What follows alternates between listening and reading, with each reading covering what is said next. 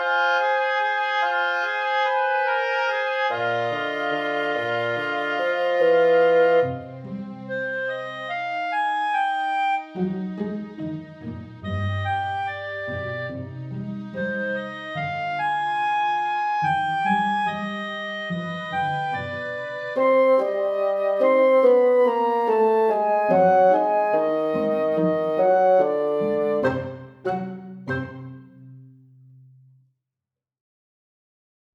Fällen av Göran Söderberg. Fällen hängde på fyrvaktarstugans vägg. Den var placerad så att den hamnade i blickfånget om man satt i fåtöljen framför brasan. Det var en besynnerlig fäll och ännu konstigare var den inglasade text som hängde i någon slags plakett alldeles ovanför den. Jag hade läst texten hundratals gånger. Varg fångad på Myrön 1911. Det var så mycket som var ologiskt med texten. Varför var vargen fångad och inte skjuten? Vem flår en levande varg? Framför allt var det befängt att det överhuvudtaget skulle finnas varg på Myrön. Ön låg en mil från fastlandet och var inte mer än kilometern bred och knappt sex kilometer lång. Ögruppen den låg i hette de tre vise männen. Den bestod förvisso av mer än tre öar men öarna bar alla namn från de gåvor de tre vise männen haft med sig till Jesusbarnet. Där fanns Saffransön, Rökelseön och Guldön. Vad öarna hette eller var de låg var det egentligen ingen som brydde sig om. Öarna var karga och vindpinade och hade inga naturliga hamnar. Det som utmärkte Myrön var att det på denna ö växte träd i så tät formation att man med lite vilja skulle kunna kalla det för en skog. Dessutom stod på dess norra spets en fyr. Det var den fyren jag var satt att sköta. Och i fyrvaktarstugan hängde det konstiga skinnet och den ännu konstigare plaketten. Fällens form var underlig. Storleken kunde väl stämma för en ung varg men proportionerna tycktes mig oriktiga. Skinnet tycktes inte vara skuret från en fyrfota varelse. Det som borde ha varit fyra lika långa ben var orimligt långa och satt i besynnerliga vinklar från kroppen. Ibland fick fällen i det flackande skenet från brasan nästan mänskliga proportioner. En smal gestalt med armar och ben tog form där på väggen. Det fanns kvällar då fällen med hjälp av alkoholen och brasans ljusspel klättrade ner från väggen och ryckigt rörde sig mot mig i fåtöljen. Jag hade i det närmaste ärvt posten som fyrvaktare från min farbror Bengt. Min farbror var en enstöring och man sa att ensamheten och de salta vågorna som ständigt piskade över stenstränderna hade gjort honom vansinnig. Han hade till en början haft fru och son med sig men de hade lämnat ön då mörkret blev för kompakt och Bengts humör för evigt mulnade. Jag hade ingen direkt kontakt med min farbror. Han levde isolerat på sin ö. Inte heller hade jag stadig kontakt med min ingifta faster Magda eller min kusin Henrik. Därför var det med yttersta förvåning jag mottog ett handskrivet brev från Bengt. Han skrev att fyren behövde en ny fyrmästare, att de piskande salta vågorna och mörkret hade slitit ner honom så till den grad att han inte längre kunde ta sig upp för fyrens stentrappor. Fyren skulle få nya ljuskällor och datoriseras och tjänsten som fyrvaktare skulle rationaliseras bort. Men processen att automatisera samtliga fyrar längs Norrlandskusten var kostsam och gick långsamt. Ett år fick jag räkna med att stanna på ön. Jag ska villigt tillstå att jag tackade ja till tjänsten med den bestämda avsikten att supa mig ner i en för tidig grav. Det må låta dystert, men efter ett antal kraschade anställningar och förhållanden hade jag nu bara en vän kvar. Hon hette Aberlour och var 12 år gammal. Hon kom i en 75 centiliters flaska med ett naket träd på etiketten. Hon låg i min prisklass och hade en bitterhet som låg i perfekt balans med tonen av ljunghonung. I nuvarande takt drack jag två flaskor i veckan och det var ingenting jag ämnade sakta ner på. Livet på ön var perfekt lämpat för att just supa ihjäl sig. Där fanns inga välvilliga människor som kunde lägga sig i. Min enda mänskliga kontakt var Hammarström som varannan vecka kom med proviantbåten. Jag hade sagt att den inköpslista som använts av min farbror säkerligen skulle duga för mig också. Det blev inga märkvärdigheter på matbordet. Köttbullar, falukorv, pulvermos och pasta. Mitt enda tillägg till Bengts beställning var fyra flaskor Abelur och så hade jag bytt Bengts piptobak mot en limpa Paul Mål utan filter. Det fanns dock någonting med i varje beställning som förbryllade mig. Två enkilosburkar med hundmat Fyrvaktarstugan hade en hundgård men den var halvt förfallen och inga hundar hade bott där på årtionden. En kväll i ett anfall av tristess öppnade jag en burk djurfoder och slevade ner en portion i en av hundgårdens väderbitna metallskålar. Morgonen efter var hundmaten fortfarande kvar, men morgonen efter det var den borta. Jag funderade över detta. Det kunde förstås ha varit en räv, men jag hade inte sett något fyrfota liv på ön. Jag filosoferade om det möjligtvis kunde vara så att en räv kunde simma mellan öarna i ögruppen. Det tedde sig långsökt om än inte omöjligt. Att en säl skulle ha tagit sig in från havet ända in till min stuga var heller ingen rimlig förklaring. Dessutom åt väl sälar knappast hundmat. Hur var det nu min farbror hade skrivit?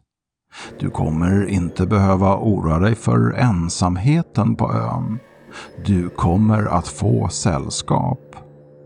Jag hade betraktat det mest som en galnings rappakalja.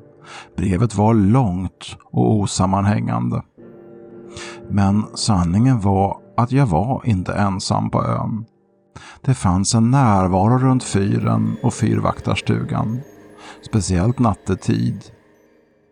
Grenar som knäcktes i skogen och en tanig siluett man då och då kunde skymta mellan de svarta trädstammarna mot månljuset. Ibland svepte fyrens roterande lyktor över en gestalt som satt på huk i strandkanten. Men ljuset stannade aldrig länge nog för att man skulle kunna avgöra vad eller vem det var. Och vid ljuskäglans nästa varv var gestalten åter försvunnen. Men om man pusslade ihop alla korta ögonblick likt rutor i en filmrulle framträdde en haltande gänglig gestalt med krökt rygg. Ibland kunde man se ett huvud guppa i det månbelysta havsvattnet. Ett huvud som inte kunde tillhöra en säl. En natt då jag i vanlig ordning satt med min vän Abelur i ett glas framför brasan och studerade den besynnerliga fällen gick mina tankar runt i cirklar. Självfallet hade allt ett samband. Den besynnerliga fällen med sina felaktiga proportioner, den uppätna hundmaten och den jäckande skugga som strök runt ön nattetid. Allt hörde samman men nyckeln fattades mig. På en ingivelse reste jag mig upp och plockade ner den löjeväckande plaketten ovanför skinnet. Jag vände på den avlånga tavlan och petade bort de böjbara klämmor som höll samman konstruktionen. Nästan direkt vecklade ett papper ut sig som gömt sig mellan passparton och ramens bakstycke. Jag lirkade loss pappret som visade sig vara ett tättskrivet A4-ark. Jag såg på bläckplumpar och det gulnade pappret att texten var gammal. Antagligen från samma årtal som plaketten, 1911. Jag satte mig åter i fåtöljen vid brasan, smuttade på mitt glas och började läsa. Myrön 1911 10.03 Skinnet på väggen tillhörde min vän Hedda. Hon är ingen varg men heller ingen människa. Hedda var nyfiken på oss. Hon sprang runt stuga och fyr. Hon var lång och skranglig men väldigt snabb. Hon åt av hundens mat. Men hunden var gammal och brydde sig inte mycket. Flickan var rask och trots att far min ofta jagade henne med båtshaken i högsta hugg var han aldrig i närheten av att fånga henne. Min fars humör mörknade i takt med åren. Jag märkte tidigt att mörkret och det stränga vädret gick hårt åt mina föräldrar. En morgon kom min far triumferande tillbaka från proviantbåten med någonting han beställt från fastlandet. En björnsax.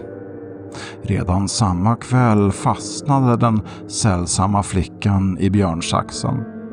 Den bröt hennes smalben rakt av.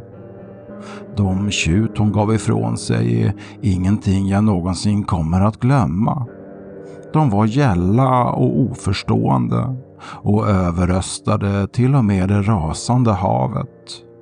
När skriken tystnat tog min far med sig liket in i snickarboden och flodde det. Min far var ett kräk men han visste att hantera en kniv. Snart nog kunde han hänga upp skinnet till garvning. Nästa morgon märkte han att flickan fortfarande levde. Han höjde sin yxa men kom så plötsligt på bättre tankar och bar ut henne i hundgården. Hon vägde inte mycket. När isen släppte skulle far kontakta korrekta myndigheter och rapportera in denna märkliga varelse. Det kunde finnas en belöning för upptäckten av ett nytt släkte. Utan sin päls såg varelsen ännu märkligare ut. Som en ohelig blandning mellan människa och varg. Bättre kan jag inte beskriva henne. Vår hund kapten tog hand om flickan. Utan sin päls frös hon väldeliga i vinterkylan. Hon och hunden värmde varandra. Jag hälsade på henne ibland ute i hundgården. Hon hade tillräckligt mycket människa i kroppsformen för att man skulle kunna se att det var en ung flicka. Kanske i min ålder. Jag hade med mig filtar. Ibland satt vi bara stilla så länge jag förmådde i vinterkylan ute i hundgården. Hon stammade och flämtade. Plötsligt fick hon fram någonting som lät som Hedda. Så det var det jag kallade henne. Jag berättade att jag hette Egon och jag tror hon förstod. När man tittade in i Heddas ögon försvann tid och rum. När våren åter randades hade hennes ben läkt bra nog för att gå att stödja på. Benet hade läkt ihop snett och hon haltade. men hon kunde röra sig med någorlunda snabbhet igen. En natt innan myndigheterna kom från fastlandet släppte jag ut henne och kastade fars björnsax och enterhake i havet. Jag fick så mycket stryk att jag fick sova på mage i en månad. Ser du henne så gör henne inte illa. Kommer hon nära huset är det för att värma sig. Hon fryser utan sin päls. Jag läste texten två gånger. Den saknade egentligt avslut. De sista raderna verkade vara ditglottrade i all hast och författaren insåg att pappret höll på att ta slut. Men texten band samman alla lösa punkter. Den haltande skugggestalten, den märkliga fällen och den uppätna hundmaten. De ägde alla nu en logik de hittills hade saknat. Jag tittade åter på fällan. Den tycktes nu nästan levande i eldens dansande sken. Utan en sekunds eftertanke reste jag mig upp och tog ner skinnet från väggen. Det var november och bitande kallt i blåsten. Jag la skinnet och två filtar i hundkojan och fyllde på med vatten och hundmat. Jag såg upp mot fullmånen. Jag kände mig iakttagen men inte rädd. Jag kommunicerade via radion med fastlandet. Så snart isen lossnat skulle en båt med hantverkare och ingenjörer komma för att modernisera fyren. Till våren skulle min tjänstgöring vara till ända och man hade ingen vidare användning för mina tjänster. Tidigt i april var isen borta och jag spenderade min sista kväll på ön. Det var med viss sentimentalitet jag nu gjorde en sista rundvandring i resterna av den släpande vårsolen. Jag gick upp mot fyren och såg Hedda sitta på en sten vid havet. Det var med viss oro jag närmade mig. Kände hon sig trängd kunde hon möjligtvis anfalla. Hennes långa fingrar slutade i något slags klor. Men hon satt kvar när jag närmade mig. Någon människa var hon inte. Armar och ben som en människa, men med en ansiktsform som slutade i en avlång nos. Hennes päls hade växt tillbaka fläckvis men hennes vänstra smalben var fortfarande skevt och snett. Hon var gammal nu, inte längre den unga flicka Egon hade skrivit om. Hon eh, tittade på mig med sina märkvärdiga ögon. Som två diagonala galaxer i ett blekgult universum. Jag såg in i dem och hittade bara undran och längtan. Ingen fientlighet eller ilska. Men inte heller någon nyfikenhet eller hopp. Hedda, sa jag. Hon spände sina käkar och med en enorm viljeansträngning fick hon fram ljud. Egon! Jag skakade på huvudet. Egon är borta nu. Jag la en hand på mitt bröst och sa långsamt Erik. Hon nickade trött men orkade inte ljuda fram mitt namn. Vi behövde inte prata. Vi satt där hela natten och såg ut över havet. Fullmånen droppade sitt silver ner i de böljande vågorna och nattliga fåglar sjöng från de låga förvridna träden. Vad vi var var inte längre viktigt. Vi satt där medan månen skred över himlavalvet mot en fond av mörker och flämtande stjärnor. Vi kanske inte var tillsammans, men för första gången på ofattbart länge var vi inte längre ensamma. Det var bra så. Månens silverdroppar låg som glittrande olja ovanpå de svarta vågorna. När gryningssolen släpade sig upp över horisonten dök hon ner i havet och jag gick för att möta båten från fastlandet. Mina få ägodelar var redan packade. Allt det här är länge sedan. Jag är gammal nu. Jag tänker fortfarande på Hedda varje kväll. På de där mörka galaxerna till ögon och hennes förunderliga proportioner. Kanske var hon ett monster och då är kanske det här en skräckhistoria. Men med åldern avtar tvånget att sätta etiketter på allt. För min inre blick ser jag hur hon simmar ut ifrån Myrön, längre än hon borde. Så långt att hon inte längre orkar simma tillbaka. Där ute på det vida havet sjunker hon. Sekunder av oro på den svarta vattenytan. Sedan återstår bara en våt, kall och mörk omfamning.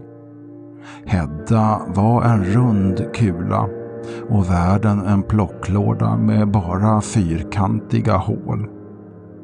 Jag har aldrig berättat för någon om henne. Jag orkar inte få min berättelse avskriven som någonting fabricerat av en misshandlad hjärna.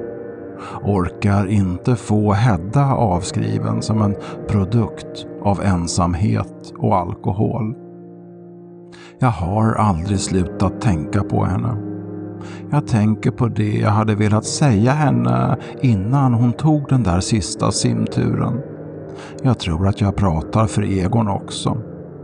Jag hade velat prata om hennes sällskap under året på ön och hur det höll mig undan från vansinne och undergång. Jag hade velat prata om den där sista förtrollade natten på Myröns nordspets. Hur mycket den betydde för mig och hur den förändrade allt. Hur den fick mig att inse att jag inte ägde rätten att kasta bort mitt liv på alkohol och grubblerier hur jag där och då under myriader av flämtande stjärnor lovade mig själv att aldrig dricka en droppe mer. Men mest av allt hade jag velat berätta att trots att jag är gammal nu och har mött oräkneliga människor på min väg så är och förblir hon min allra käraste vän.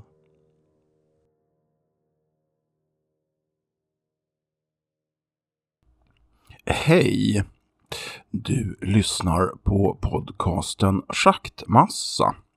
Du hörde precis berättelsen Fällen, skriven, uppläst och ljudsatt av mig, Göran Söderberg. Den här historien är lite speciell. Den är skriven med hjälp av startkablar från Johanna Voxberg och Anna Nilsson. Det var nämligen så att Johanna den 30 oktober förra året la ut en Facebook-tråd i Creepy-podden Eftersnack. Tråden hette Tråden där vi skänker våra creepypasta-idéer.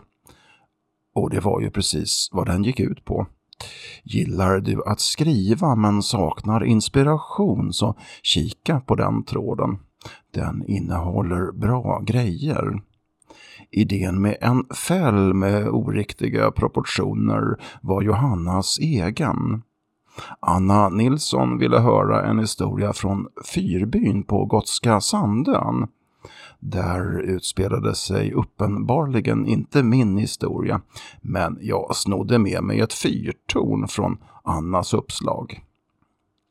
Jag skrev och spelade in den här historien tämligen omgående i början av november förra året. Och nu finns den i era hörlurar. Jag hoppas att ni tyckte om den. Creepy-podden skulle jag kunna ösa kärlek över i timmar. Men jag tvekar på att någon skulle orka lyssna sig igenom det. Jag nöjer mig med att säga att jag varken kan eller vill föreställa mig mitt liv utan den podden. Och vet ni, när mitt timglas är fullt och döden knackar på min dörr, då ska inte jag som riddaren Block be om uppskov eller propsa på att få spela schack. Nej, då säger jag, vet du vad, ditt gamla benrangel. Jag har fått fyra berättelser upplästa av Ludvig Josefsson i Creepy-podden. Wow, säger döden. Då kan ju du dö nöjd. Mhm, nickar jag instämmande. Sedan går vi ut och där väntar de övriga ryttarna i apokalypsen. Jag tar plats bakom döden på hans blekgula ardennerhäst och tillsammans galopperar vi in i den eviga solnedgången. I nästa avsnitt av den här podden dyker en annan Creepy-podden bekant upp. Marie Ivarsson Alin.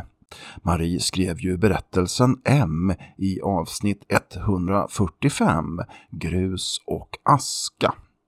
Marie kommer att läsa sin historia Tsunamihuset för oss.